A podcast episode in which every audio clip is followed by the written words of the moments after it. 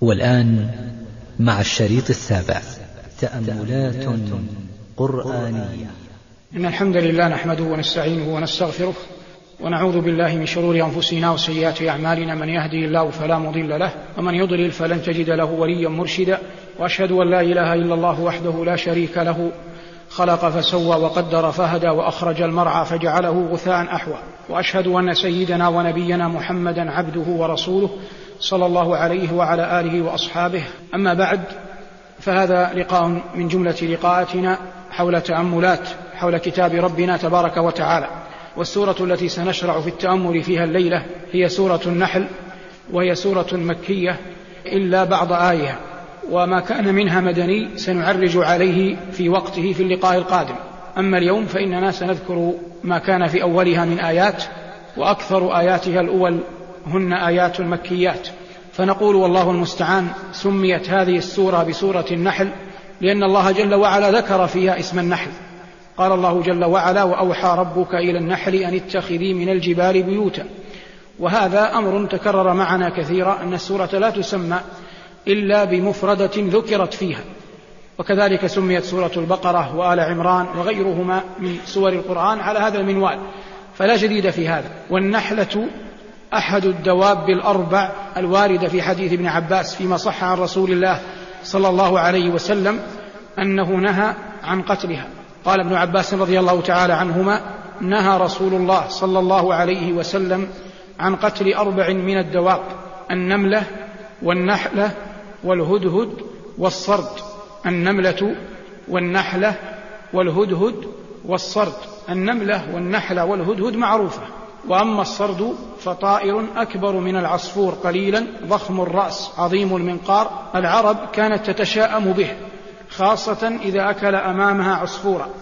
فجاء الأمر النبوي من رسولنا صلى الله عليه وسلم بالنهي عن هذه عن قتل هذه الدواب الأربع. كما ورد الشرع بالنهي عن دواب أخر غير هذه فقد نهى صلى الله عليه وسلم عن قتل الضفدع. كما نهى صلى الله عليه وسلم عن قتل الجراد إلا إذا خيف ضرره أو قتل لأكله. منفعة الأكل تغلب على النهي عن قتله كما أخبر بذلك نبينا صلى الله عليه وسلم جمعا بين الأحاديث التي وردت في أن النبي وأصحابه رضي الله عنهم أكلوا الجراد. هذا ما يتعلق بمفهوم النحلة قبل أن نشرع في البيان ويسمى صوته أي مجتمعا النحل يسمى دوي وقد ورد في الأحاديث دوي كدوي النحل. وهذه السورة قلنا إنها سورة مكية ونكرر بعض ما ورد. السورة المكية ما نزلت قبل قبل الهجرة والمدني ما نزل بعد الهجرة وإن كان نزل في مكة يسمى مدني على الصحيح وبينا أن هذا في ثلاثة أقوال لكن هذا من باب مدارسة العلم. في كل لقاء نحاول أن نعرج على أمر معين إما وعظا أو تعريفا. أما اللقاء اليوم فسنتكلم فيه غالبا عن الطريقة في استنباط الأحكام من كلام الرب جل وعلا وأسلوب العلماء في الأخذ من كلام الله تبارك وتعالى. الله جل وعلا يقول في صدر هذه السورة أتى أمر الله فلا تستعجلوه. سبحانه وتعالى عما يشركون. الفعل أتى بالإجماع فعل ماضي. والشيء إذا مضى وانتهى لا يقال في حقه لا تستعجله الشيء إذا مضى وانتهى لا يقال في حقه لا تستعجل لأنه قد قضي وانتهى. فعلى هذا قول الله جل وعلا فلا تستعجلوه قيد يدل على أنه ليس المقصود أن هذا الأمر قد قد وقع لأنه لو كان قد وقع فعلا لا يقال في حقه لا تستعجلوه وإنما يقال لا تستعجل في الشيء الذي لم يحصل بعد. لكن الأمر هنا والمقصود به على الصحيح. والله أعلم قضية عذاب الكفار يوم القيامة هو الذي يرقبه كفار قريش وقيل قبل ذلك من الهلاك لكن هذا أرجح. هذا الأمر لم يقع. لكنه لأنه متحقق الوقوع جعله الله جل وعلا بمنزلة الشيء الذي الذي وقع. الشيء المتحقق الوقوع جعله الله جل وعلا بمنزلة الشيء الذي وقع. هذا النوع من الكلام لا يمكن أن يقدر عليه إلا من إلا الله. لأن أي أحد يقول عن شيء سيقع قد يقع خلاف الذي قال. ولكن لا يقدر على مثل هذا القول إلا الرب تبارك وتعالى. والله يقول لنبيه ولا تقولن لشيء إني فاعل ذلك غدا إلا أن يشاء الله. واذكر ربك إذا نسيت إلى آخر آية سورة الكهف. والذي يعنينا هنا أن هذا الأمر أصلا يدل على عظمة ربنا تبارك وتعالى وأن الله أنزل هنا الأمر المتحقق الوقوع منزلة الشيء الذي وقع. وقلنا إن أمر الله هنا المقصود به عذاب الكفار يوم يوم القيامة. سبحانه وتعالى عما يشركون. ينزل الملائكة بالروح من أمره على من يشاء من عباده. أن أنذروا أنه لا إله إلا أنا فاتقون. كلمة الروح وردت في القرآن كثيرا لكن القرائن تدل على المعنى. القرائن تدل على المعنى. فقول الله جل وعلا في مريم واذكر في الكتاب مريم إذ انتبذت من أهلها مكانا شرقيا فاتخذت من دونهم حجابا فأرسلنا إليها روحنا فتمثل لها بشرا سويا. هذه قرينة على أن المقصود بالروح من؟ جبريل. على الأقل مقصود به ملك. قد يكون غير جبريل لكن ظاهر السنة على أنه جبريل لكن المقصود به هنا أحد الملائكة والغالب أنه من؟ أنه جبريل. فقول الله فتمثل لها بشرا سويا قرينة على أن المقصود بالروح هنا من؟ جبريل. أو ملك من الملائكة. والله تبارك وتعالى يقول ويسألونك عن الروح قل الروح من أمر ربي. هنا الروح جاءت مبهمة. واختلف العلماء فيها اختلافا كثيرا لكن ظاهر الآية لأنها مبهمة أن المقصود بها الروح التي في جسد بني جسد بني آدم. هنا يقول الله ينزل الملائكة بالروح من أمره على من يشاء من عباده. فالملائكة تنزل بهذا الروح. والآن ما نعرف ما هو الروح لكن سنفسره بالقرآن. على بعض العباد الذين اصطفاهم الله. والقرآن يتمم بعضه بعضا ويفسر بعضه بعضا. الله يقول لنبيه وكذلك أنزلنا إليك روحا من أمرنا. ما كنت تدري ما الكتاب ولا ولا الإيمان. وقال رفيع الدرجات ذو العرش يلقي الروح من أمره على من يشاء من عباده لينذر يوم التلاق. هذا في غافر. وكلهن واضح أن المقصود أنه الوحي الذي ينزل به الملائكة على النبي المختار. أي نبي من أين؟ من الله أو من السماء. فالمقصود بالروح هنا ماذا؟ الوحي. المقصود بالروح هنا الوحي.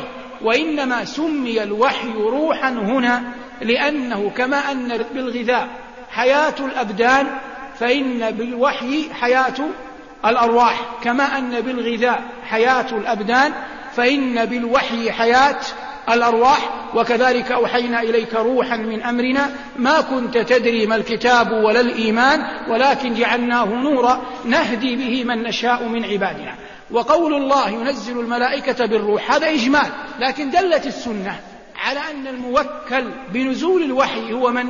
جبريل عليه السلام دلت السنة إجمالا على أن الموكل بالوحي وإنزاله من الملائكة كلهم هو جبريل عليه السلام ينزل الملائكة بالروح من أمره. على من يشاء من عباده. فالنبوة كما قدمنا مرارا وتكرارا مسألة ماذا؟ مسألة اصطفاء. لا تنال لا بكثرة صلاة ولا بكثرة صيام. فإن الأنبياء لا يعلمون أنهم أنبياء حتى حتى ينزل عليهم الوحي ويأتيهم الملك وينبئهم. وإلا لا يوجد كلية تخرج أنبياء. ولا حلقة علم تخرج أنبياء. يوجد كليات وحلقات علم تخرج علماء. لكن النبوة أمر يصطفيه الله جل وعلا في اختيار بعض عباده. قال الله جل وعلا الله يصطفي من الملائكة رسلا ومن الناس. والله تبارك وتعالى يقول الله أعلم حيث يجعل رسالته. ينزل الملائكة بالروح من أمره على من يشاء من عباده. أن أنذروا أنه لا إله إلا أنا فاتقون. أن هنا مفسرة.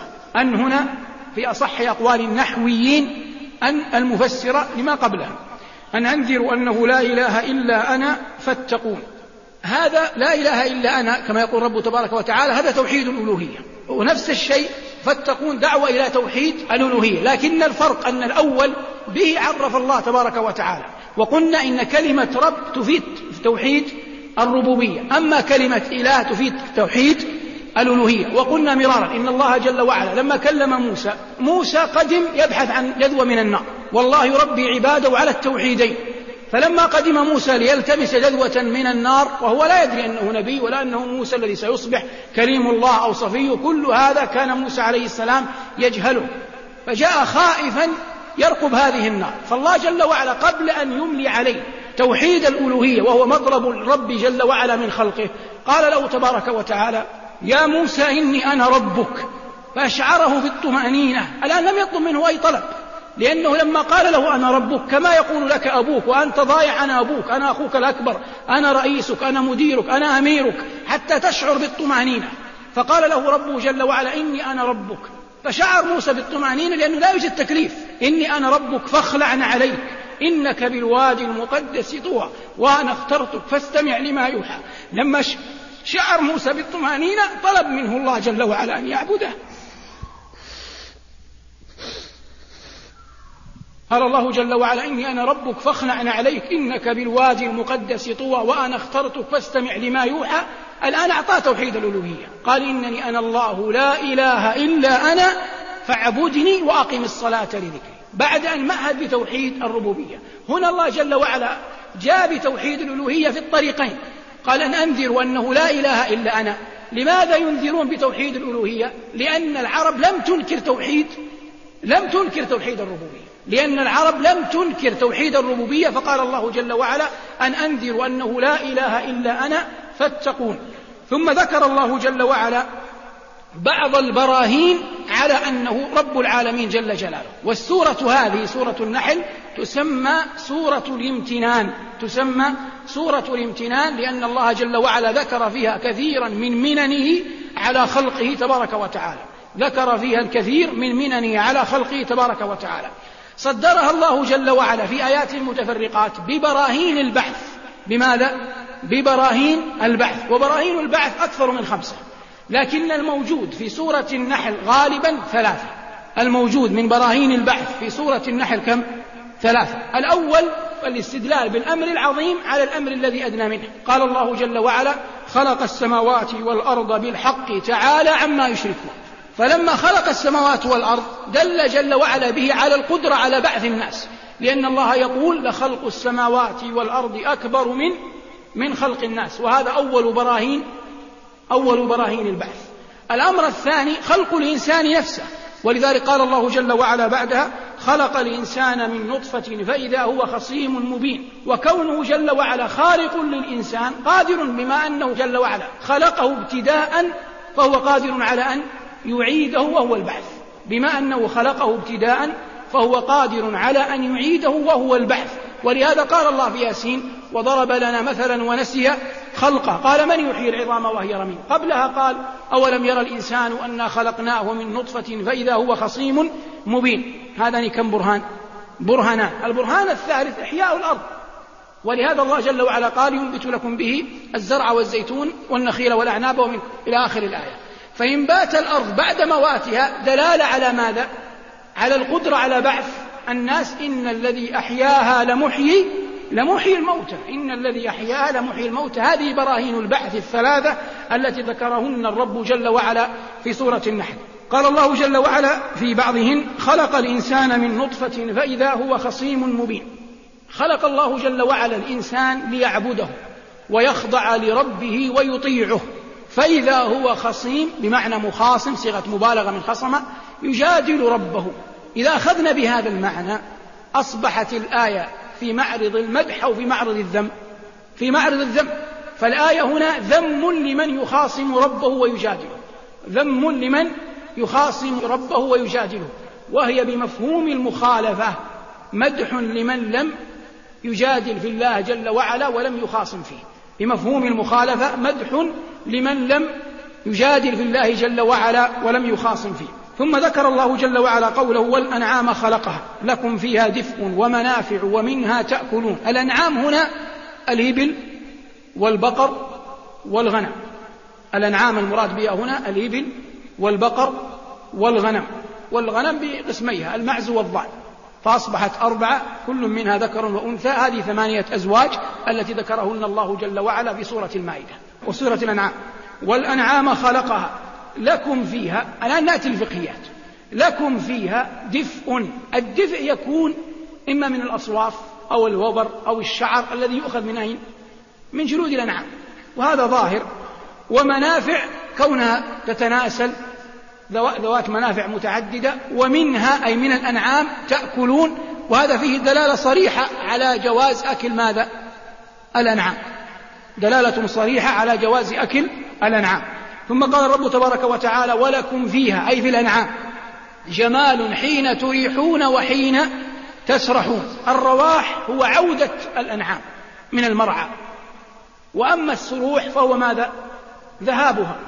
وإنما قدم الله جل شأنه الإيابة هنا لأن الإنسان تقر عينه بعودة دوابه وقد رعت وأصبحت أعظم بطونا وأحفر ضروعا وكونها في حظائرها عنده بجواره أقر لعينه وهي أين؟ وهي ذاهبة في الصباح هزلا ذاهبة إلى المرعى. فلذلك قدم الله جل وعلا الرواح على السروح رغم أن الزمن يقول إن السروح مقدم على مقدم على الرواح. وهذا من أسباب التقديم والتأخير في كلام الله. ولكم فيها جمال حين تريحون وحين تسرحون وتحمل أثقالكم. إلى بلد لم تكونوا بالغيه إلا بشق الأنفس إن ربكم لرؤوف رحيم. هذه كلها ظاهرة لا تحتاج إلى تفسير. لكن الله قال بعدها والخيل والبغال والحمير لتركبوها وزينة ويخلق ما لا تعلمون. الآن ويخلق ما لا تعلمون هذه خليها في الآخر. خلينا الآن في قوله جل وعلا أو دعنا الآن في قوله تبارك وتعالى والخيل والبغال والحمير لتركبوها وزينة. اختلف العلماء في أكل لحم الخيل. أكل لحم ماذا؟ الخيل. لماذا ذكرنا الخيل وحدها؟ لأن الأنعام هذه الإبل والبقر والغنم متفق على ماذا؟ على أكلها والبغال والحمير البغال متفق على تحريمها والحمير في خلاف بين العلماء لكن أعظم العلماء جمهور العلماء على أنها حرام إذا ما الذي بقي؟ بقي الخير الآن نأتي كيف يستدل الفقهاء أو العلماء بالقرآن ذهب أبو حنيفة رحمة الله تعالى عليه وأحد أقوال في مذهب مالك رحمه الله إلى حرمة أكل لحم الخيل وحجتهم هذه الآية. أين الحجة؟ قالوا إن الآية متفقون نحن وأنتم جميعا على أنها في سياق الامتنان من الرب على عباده. وهذا لا خلاف فيه. قالوا إن الله لما ذكر الأنعام قال لكم فيها دفء ومنافع ومنها تأكلون فصرح بالأكل. فلما جاء عند الخيل والبغال والحمير قال لتركبوها وزينة ويخلق ما لا تعلمون ولم يقل في منه على عباده أنها أنها تؤكل. فقالوا هذا من أعظم الأدلة على أن لحم الخيل محرم. هذا واحد. الأمر الثاني فيما يفهم عند الوصوليين بدليلة الاقتران. ما هو مفهوم الاقتران؟ أنها الخيل والبغال والحمير. قالوا إن الله أشرك الخيل مع البغال والحمير. وأنتم متفقون معنا على أن البغال والحمير محرمات فقرنت معهما الخيل فأصبحت محرمة من دلائل ماذا؟ الاقتران. لكن قرينة دلائل الاقتران عند الأصوليين من أضعف أدلة التحريم. دليلة الاقتران عند الأصوليين قال بها بعض من العلماء لكنها من أضعف أدلة التحريم عند الأصوليين. الذي يعنينا أنهم قالوا إشراكها مع الخيل مع البغال والحمير إشراك في الحكم. هذه أدلة من قال بماذا؟ بالتحريم.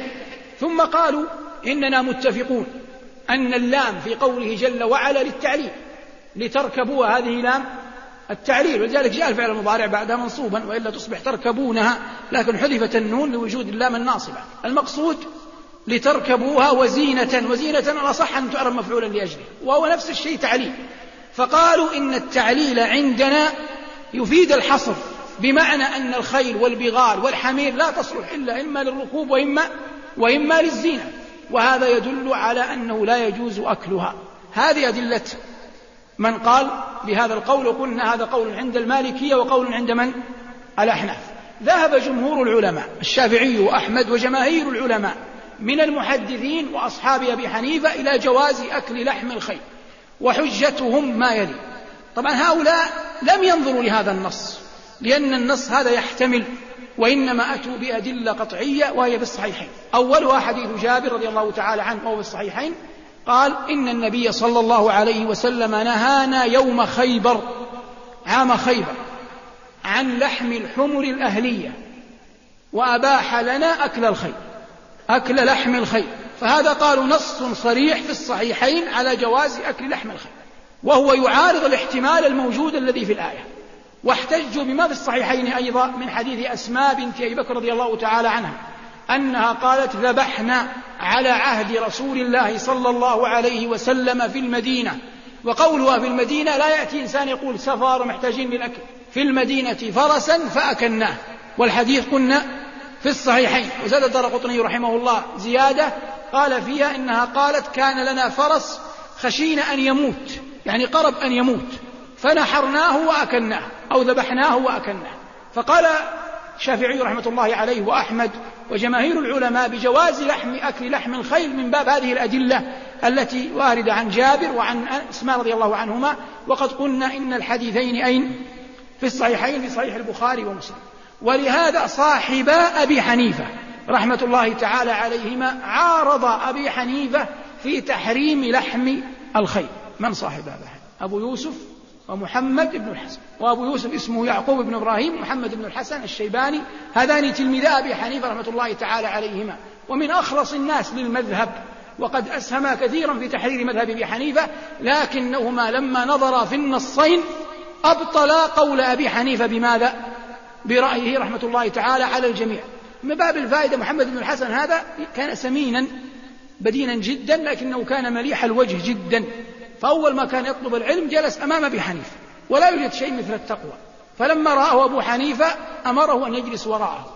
فجلس سنين وأبو حنيفة لم يراه.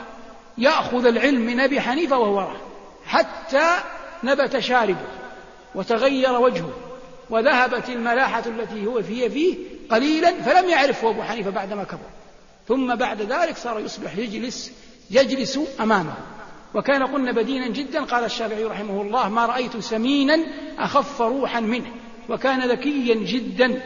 وما الشافعي رحمه الله إحنا سطرنا في باب الفوائد أخذ علم الأثر عن مالك في المدينة وأخذ علم العقل والرأي عن محمد بن الحسن لأن الشافعي لم يدرك أبا حنيفة.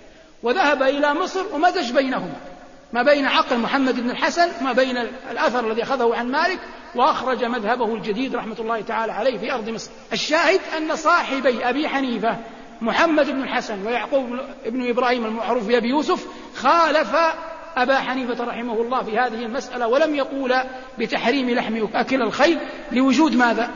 لوجود النصوص الصريحة.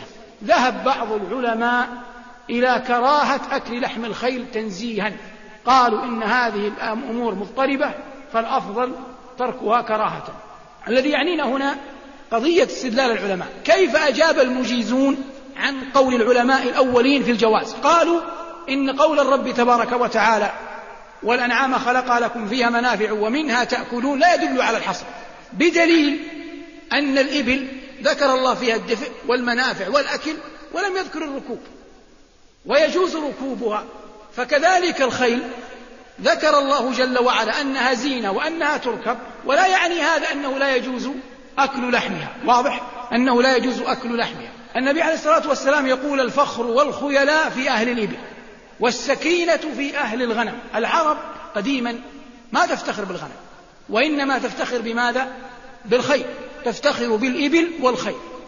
كما في قول عباس بن برداس السلمي وغيره كعقبان خير وغير ذلك كانوا يقولون إن الغنم ليست موطن فخر وإنما الموطن الفخر في الإبل والخيل إذا عقدت وربطت في حظائرها أمام بيت الرجل أو في فناء داره أو عند قبيلته هذا موضع فخر لهم ولهذا عاملهم الله بكلامهم قال جل وعلا لتركبوها وزينة ويخلق ما لا تعلمون ثم قال الرب تبارك وتعالى نخلص من هذا إلى أن لحم الخيل عند جماهير العلماء ماذا؟ حلال يجوز أكله. أما البغل فاتفقوا على تحريمه وكذلك لحم الحمار إلا ما روي عند المالكية قول إن لم أنسى أنه يجوز لكم لا أجوز لك أكل لحم الحمر الأهلية لكن لا أظن أحدا يصنعه اليوم. ثم قال الرب تبارك وتعالى وعلى الله قصد السبيل ومنها جائر ولو شاء لهداكم أجمعين. بعد أن ذكر الله الطرائق الحسية التي تحمل الناس عليها البغال والخيل ذكر الطرائق ماذا؟ المعنوية. ولا طريق معنوية أعظم من طريق يؤدي إلى من؟ إلى الله. فقال الرب وعلى الله قصد السبيل. والمعنى قصد السبيل أي الطريق القويم المستقيم. وعلى الله قصد السبيل المعنى على الله جل وعلا بيان الطريق المستقيم المؤدي إلى رضوانه. وهذا قد وقع بلا ريب بإنزال الكتب وإرسال الرسل. ومنها هذه من بيانية أي من هذه الطرق جائر أي مائل عن ماذا؟ عن الحق اليهودية والنصرانية والمجوسية وغير ذلك. أي من هذه الطرق جائر أي مائل عن ماذا؟ عن الحق اليهودية والنصرانية والمجوسية وغير ذلك. نعود إلى قول الله تعالى ويخلق ما لا تعلمون هذه ويخلق ما لا تعلمون كان المفسرون الأوائل يتكلفون في تفسيرها لأنه لم يخطر بخلدهم يوما ما نحن فيه من وسائل النقل. لكن الله جل وعلا لأنه يعلم ما هو كائن وما سيكون وحتى لا يفتن الناس آنذاك بشيء لا يعرفونه لم يقل لهم جل وعلا أن الحديد ذات يوم سينقل الناس. وإنما قال جل وعلا تمهيدا لمن يأتي بعدهم ماذا؟ ويخلق ما لا تعلمون. وأنا قلت مرة أن أول ما ظهرت السيارات كان أهل هذه البلاد قبل توحيد المملكة أو في أول توحيدها سافروا اثنان. من ديار نجد سافروا الهند. فلما سافروا الهند رأوا السيارات لأول مرة. قبل أن يعرف الناس السيارات في بلادنا وقبل أن تأتي الصورة الفوتوغرافية بالسيارات. والناس كانوا هنا بادية رحل. فرأوا السيارات عيانا تمشي. ركبوا فيها. ثم رجعوا. ذهبوا لأمر طبي. وأنا أعرف أصحاب القصة. فلما رجعوا جماعتهم قبيلتهم العزوة الذين لهم سووا سووا لهم طعام. احتفاء بهم. قادمين من بعيد؟ سووا ذبائح لهم.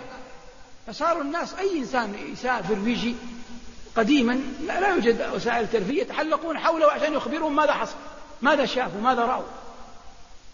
فرجل منهم كهل ورجل شاب. فالشاب قال بلغته العامية أنا قال شفنا الحديد يمشي. فنظر الناس بعضهم إلى بعض طبعا الشيوخ قبائل حسب الله عليهم. نظروا في الكهل في العام في الكبير. قالوا صح يا فلان شفت الحديد يمشي؟ قال أبد كذب ما شفنا والله حديد يمشي ولا شيء. أنكر وركب مع صعب من اخيه فقاموا الناس بالعقل والنعال وطردوه من المجلس. تكذب على الرجال تضحك على لحاهم وخرج. عندما خرج توارى ينتظر عمه يخرج لأنه في قلبه غل لأنه يعرف أن عمه صح فعلا رأى الحديث لما جاء خارج صار يحسبها مسألة عادية. قال أسألك بالله ما ركبنا السيارة ويحلفوا قال لي قال ليش أنكرت؟ قال أنت تجي بقولي تقول لما شفنا الحديث يمشي. أنا لو قلت نعم لضربوني وطردوني كما كما ضربوك وطردوك لأن الناس يخاطبون على قدر عقولهم. فلا بد من أرض ممهدة قبل أن تلقي خطابك. لا بد من أرض ممهدة قبل أن تلقي خطابك. هذا المطر ينزل. في أرض تنبت زرع. ما يمكن. ما تنبت زرع. ما هي ما هي قابلة لأن تنبت زرع. القرآن الله جل وعلا يقول وهو عليهم عمى. على من على الكفار؟ هو نفس القرآن لشفاء للمؤمنين. لأن قلب الكافر غير قلب ماذا؟ غير قلب المؤمن. كذلك كلامك لا ينبغي أن تقوله لكل أحد. لابد أن يمهد للناس أمرا معظما قبل أن يلقى إليهم. الله يقول وإن أحد من المشركين استجارك فأجره حتى يسمع كلام الله. لأنه ما دام خائف لن يسمع كلام الله. إنسان يرى السيف يرى الرشاش يرى طلقات الرصاص هذا ما يمكن يسمع. هذا خائف. فالله يقول لنبيه فأجره أعطيه أمان. فإذا أعطيته الأمان لم يعد يخشى على روحه لم يعد يخاف. فسيقبل عليك بعقله وقلبه. فالله جل وعلا قال لنبيه فأجره لسبب عظيم حتى يسمع كلام الله. ثم أبلغه ما منع. عاد آمن ولا ما آمن؟ لكن المقصود عموما من, من الآية في قوله تعالى ويخلق ما لا تعلمون تربية الله جل وعلا للناس. أن الخطاب لا يكون واحدا لكل أحد وإنما يتنوع بحسب الجيل أو القلب الذي تخاطبه يتنوع الخطاب. وهذا مر علينا كثيرا في كلام الله. قال الله جل وعلا وندخل في يعني مسلك آخر قال هو الذي سخر البحر لتأكلوا منه لحما طريا وتستخرجوا منه حلية تلبسونها وترى الفلك مواخر فيه ولتبتغوا من فضله ولعلكم تشكرون. نبدأ أولا في قضايا لغوية. الفلك جاءت في كتاب الله مذكرة ومؤنثة. الفلك هي السفن قطعا وجاءت في كلام الله مذكرة ومؤنثة. وبالاستقراء إذا ذكرها الله مفردة أراد به السفينة بعينها واحدة تذكر وإذا أراد الله بها جمع السفن ماذا يصنع؟ تؤنث. وهي تطلق أي الفلك تطلق على المفرد وتطلق على الجمع. أعيد. كلمة الفلك تطلق على المفرد وتطلق على الجمع. فإذا أراد الله بها مفردة جاء بها مذكرة. وإذا أرادها جمعا جاء بها مؤنثة السؤال الآن ما هو؟ الدليل. قلنا من قال لكم بقول طالبوه بماذا؟ بالدليل. الله يقول وآية لهم. أنا حملنا ذريتهم في الفلك المشحون وخلقنا لهم من مثله ما يركبون من مثله. هل هذه مثله عائدة على ماذا؟ على الفلك. أي فلك هنا؟ سفينة نوح. فالمقصود بها سفينة بعينها. وآية لهم أن حملنا ذريتهم هذا الذرية تطلق حتى على الآباء. والمقصود بها هنا سفينة نوح. لكن لما يجمع الله السفن ويريد يقول فلك ويقصد بها الجمع يأتي بها مؤنثة قال الله في البقرة والفلك التي تجري في البحر بما ينفع الناس والفلك التي تجري في البحر. فجاء بتاء التانيث تجري الداخل على الفعل المضارع لأن الفلك هنا جاءت على صيغة الجمع. هذا من باب الفائدة اللغوية. أما البحر فهو معروف ويخرج الله منه كما قال جل وعلا يخرج منهما ماذا؟ اللؤلؤ والمرجان. قال وهو الذي سخر البحر لتأكلوا منه لحما طريا. كلمة طريا جاءت هنا صفة للحم. لكن وإن جاءت صفة للحم والصفة نوع من أنواع القيد لكن القيد هنا لأنه آت في سياق الامتنان لا يدل على حل ولا على تحريم. أعيد. طريا جاءت صفة للحم والوصف نوع من أنواع القيد. لكنه لما ساقه الله في سياق الامتنان لا يدل على التحريم. بمفهوم المخالفة. بمعنى لا يأتي إنسان ويقول إن لحم البحر لحم السمك مثلا إن لم يكن طريا لا يجوز أكله. فإذا قلنا له لماذا لا يجوز؟ قال إن الله يقول هو سخركم البحر لتأكلوا منه لحما طريا. نقول أن الآية واردة مورد الامتنان فلا يقبل الاستدلال بماذا؟ بالقيد هنا. لأن المقصود في الامتنان أن أفضل ما يؤكل عندما يؤكل طري حال خروجه. واضح؟ لأن فهم قواعد العلم يعين على فهم كلام الرب. ثم إنه ثبت في الصحيح وغيره أن أبا عبيدة بن الجراح رضي الله تعالى عنه وأرضاه خرج في سرية مع أصحاب نبينا صلى الله عليه وسلم وهو عليهم أمير أي أبو عبيدة فأصابهم جوع شديد. فرمى البحر لهم بحوت يقال له العنبر فأكلوا منه أي الصحابة نصف شهر وهم يأكلون منه. طبعا لا يعقل أن يبقى الحوت نصف شهر وهو وهو طري. مستحيل. فبقي نصف شهر يأكلون منه والحديث بالصحيح. ثم قدموا أخرج أبو عبيدة عظما منه من هذا الحوت. فدخل من تحت ذلك العظم الراكب. يعني رجل على فرسه هذا عظم الحوت أكبر منه أحد عظام الحوت. فحملوا بعضه إلى المدينة فأخبروا النبي صلى الله عليه وسلم بما أكلوا فقال صلى الله عليه وسلم إنما هو رزق ساقه الله إليكم فكلوه أي أن أكلكم له مباح والنبي أفضل من ربى أصحابه ومن حوله. قال هل عندكم منه شيء؟ وما يريد النبي صلى الله عليه وسلم بحوت له نصف شهر. لكن لما أعطوه إياه أكل منه حتى لا يبقى في قلوب الصحابة شيء من الذين أكلوا من الحوت وقت خروجه. واضح؟ حتى ما يمكن أن يقع في الصدر أن النبي ربما أباحه لأنهم في سفر لعظيم تورعهم رضي الله عنهم وأرضاهم أكل منه صلى الله عليه وسلم حتى لا يبقى في قلوب أصحابه شيء وإلا كما قلنا ما يصنع نبي الله بلحم حوت مضى عليه أكثر من نصف شهر قد ألقاه البحر. والعلماء اختلفوا في صيد البحر. ونأخذ أشهر الأقوال وهو الصحيح إن شاء الله أن كل ما في البحر يجوز يجوز أكله. لعموم قوله تعالى أحل لكم صيد البحر وطعامه متاعا لكم وللسيارة وحرم عليكم صيد البر ما دمتم حرما. فكل ما يعيش في البحر يجوز أكله. والله جل وعلا هنا يقول هو الذي سخر البحر لتأكلوا منه لحما طريا. وتستخرجوا منه حلية تلبسونها. نأتي في قضايا اللباس. قضايا اللباس اضطربت أقوال العلماء فيها كثيرا. لكن نبين أن الذهب والفضة الأصل فيهما الحل إلا أن الذهب حرمه نبينا صلى الله عليه وسلم على على الرجال. وأباح الفضة لمن؟ للرجال والنساء على المشهور من قول العلماء. الاتفاق على أنه مباح للنساء لكن في خلاف في إباحة الفضة للرجال. لكن الذي عليه جماهير العلماء أنه جائز أي الفضة للرجال والنساء. لكن كون هذه الحلية التي أطلقها الله هنا في باب الامتنان وجاءت السنة مفسرة لها لابد أن يراعى حال اللبس. فمثلا إذا قلنا بجواز الفضة للرجال والنساء والذهب قلنا جائز للنساء فإنه لا يجوز للرجل أن يتحلى بالفضة على هيئة ماذا؟ على هيئة النساء. أعيد. لا يجوز للرجل أن يتحلى بالفضة على الهيئة التي هي من خصائص النساء. فمثلا لا يجوز للرجل أن يضع قلادة ولا أن يضع قرطا في أذنه ولا إسوارا في يده ولا خلخالا في رجله ولو كان من فضة. فإن قال لنا إن النبي صلى الله عليه وسلم ظاهر الأحاديث أنه دل على إباحة الفضة أجبنا أن النهي هنا لا لأنها فضة بل لأنها تشبه بماذا؟ تشبه بالنساء. لكن مما يجوز للرجال والنساء اتفاقا عند أكثر العلماء هو ماذا؟ الخاتم. وقد اتخذ النبي صلى الله عليه وسلم أول أمره خاتما من ذهب ثم نزعه. ثم اتخذ خاتما من فضة. نقش عليه محمد رسول الله صلى الله عليه وسلم. لكن لا يجوز لأحد أن ينقش على هذه الكلام. يعني لا يجوز لأحد أن يجعل نقش خاتمه ماذا؟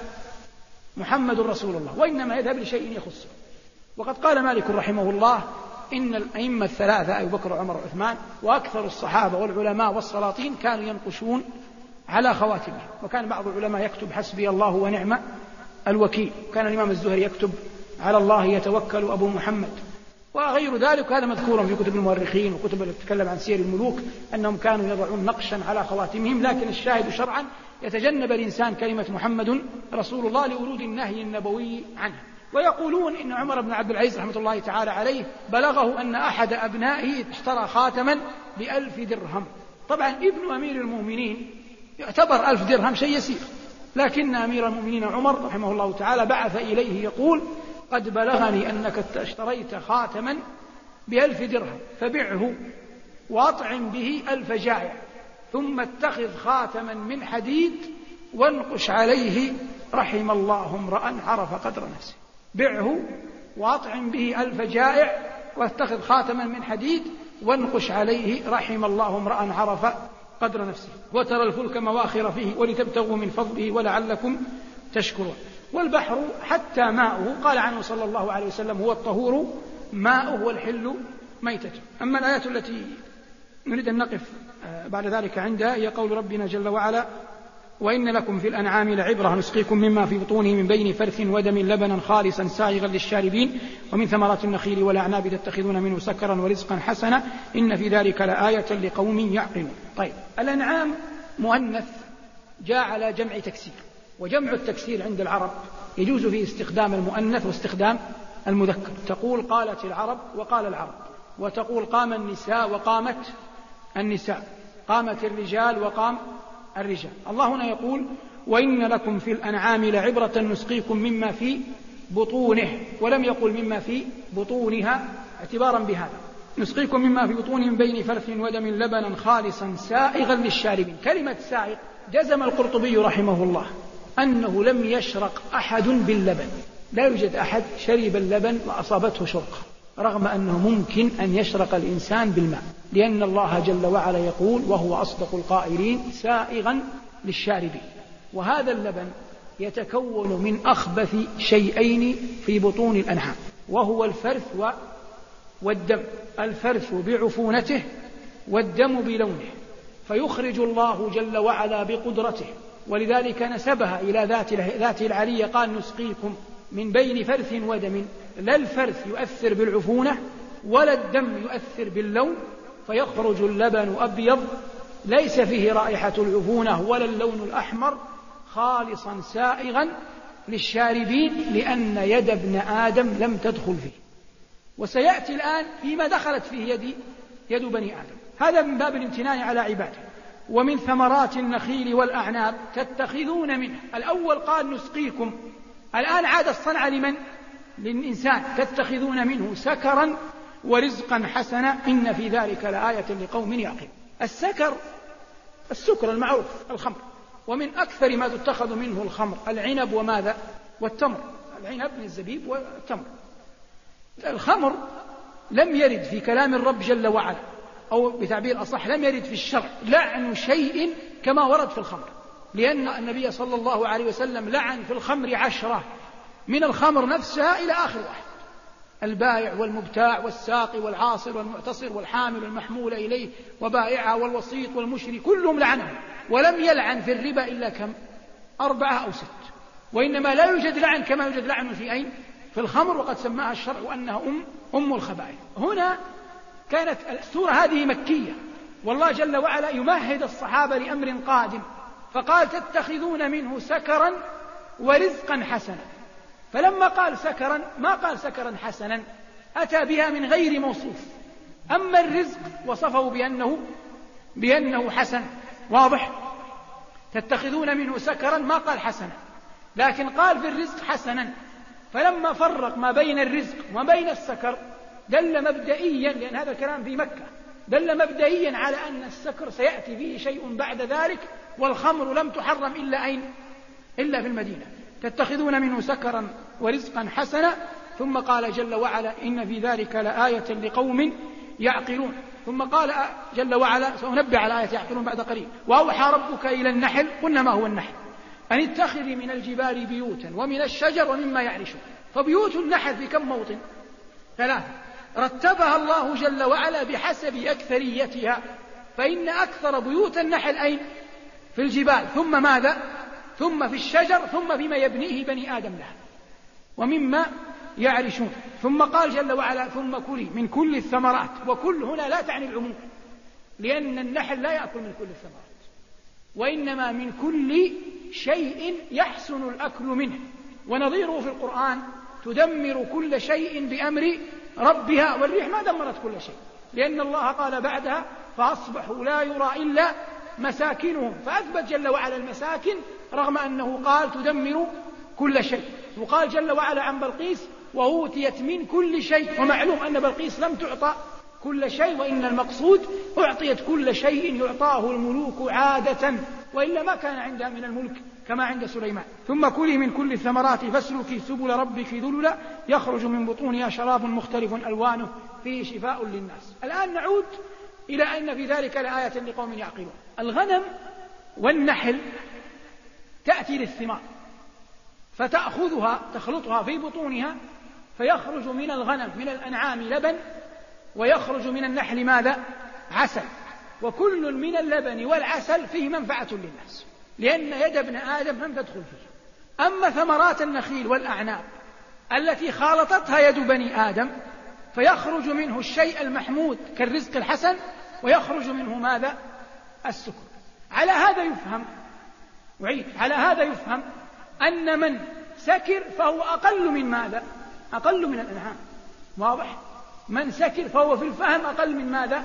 أقل من الأنعام تتخذون منه سكرا ما يقال بل أضل إلا في الكافر لكن يقيد في, في الأنعام في العقل. تتخذون منه سكرا ورزقا حسنا إن في ذلك لآية لقوم يعقلون. وأوحى ربك إلى النحل أن اتخذي من الجبال بيوتا هذه بيناها ومن الشجر ومما يعرشون. ثم كلي من كل الثمرات فاسلكي سبل ربك ذلا يخرج من بطونها شراب مختلف ألوانه فيه شفاء للناس. إن في ذلك لآية لقوم يتفكرون.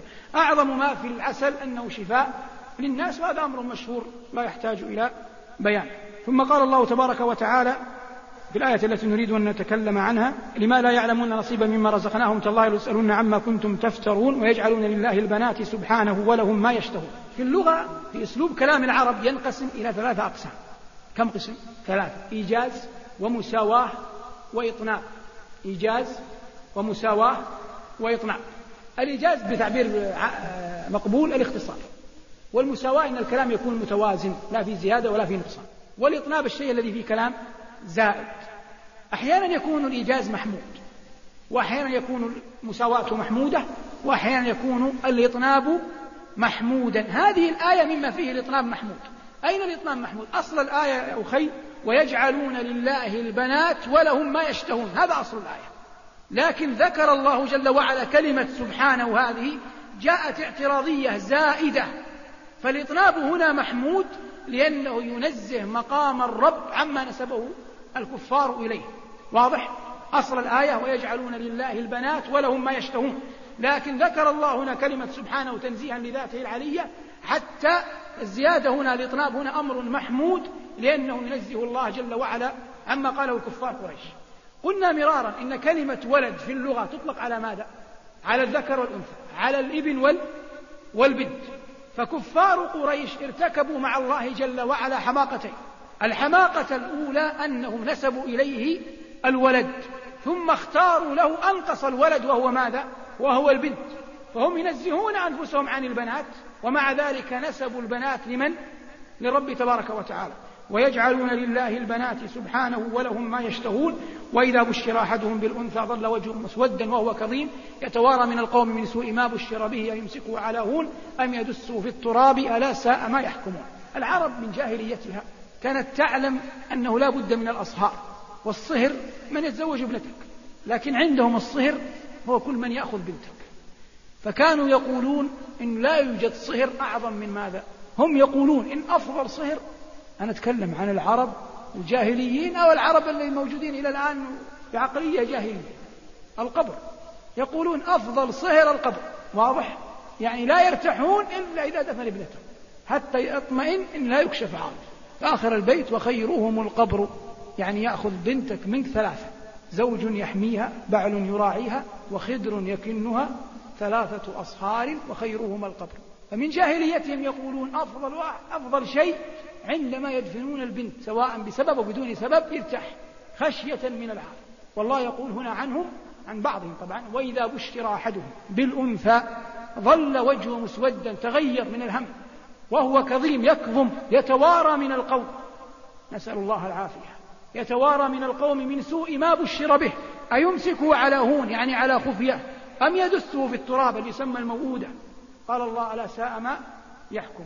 هذه نظرة العرب القدامى بعض العرب القدامى إلى الجاهلية. وكان رجل جد الفرزدق الشاعر كان يفدي الموؤودات. إذا جاء إنسان يبغى يدفن ابنته حية يعطيه مال على أن تبقى البنت حية.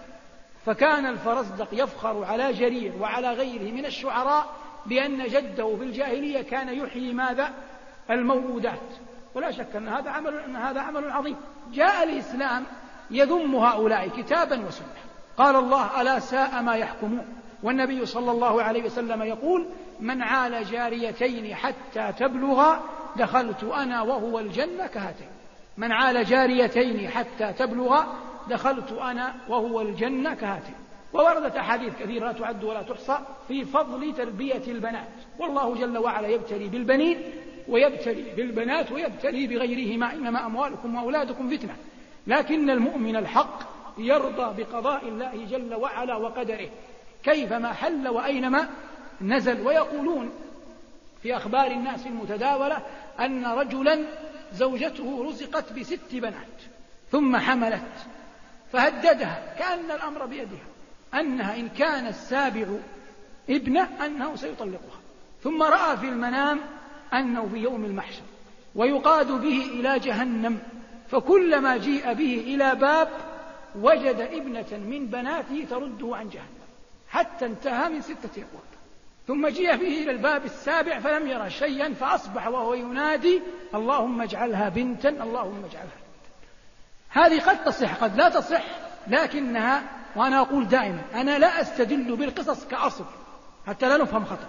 لا يصح أن يضرب الناس على القصص وإنما نستدل بالقصص كشاهد فالله جاء النبي صلى الله عليه وسلم قال من عال جاريتين حتى تبلغا دخلت أنا وهو الجنة كهاتين.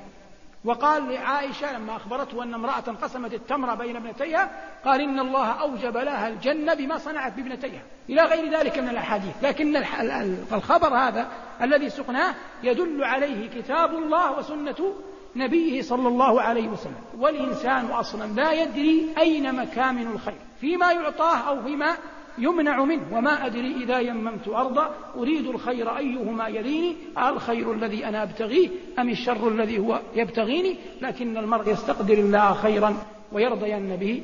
هذا ما أردنا بيانه حول هذه السورة الكريمة. ونكمل إن شاء الله تعالى في الأسبوع القادم.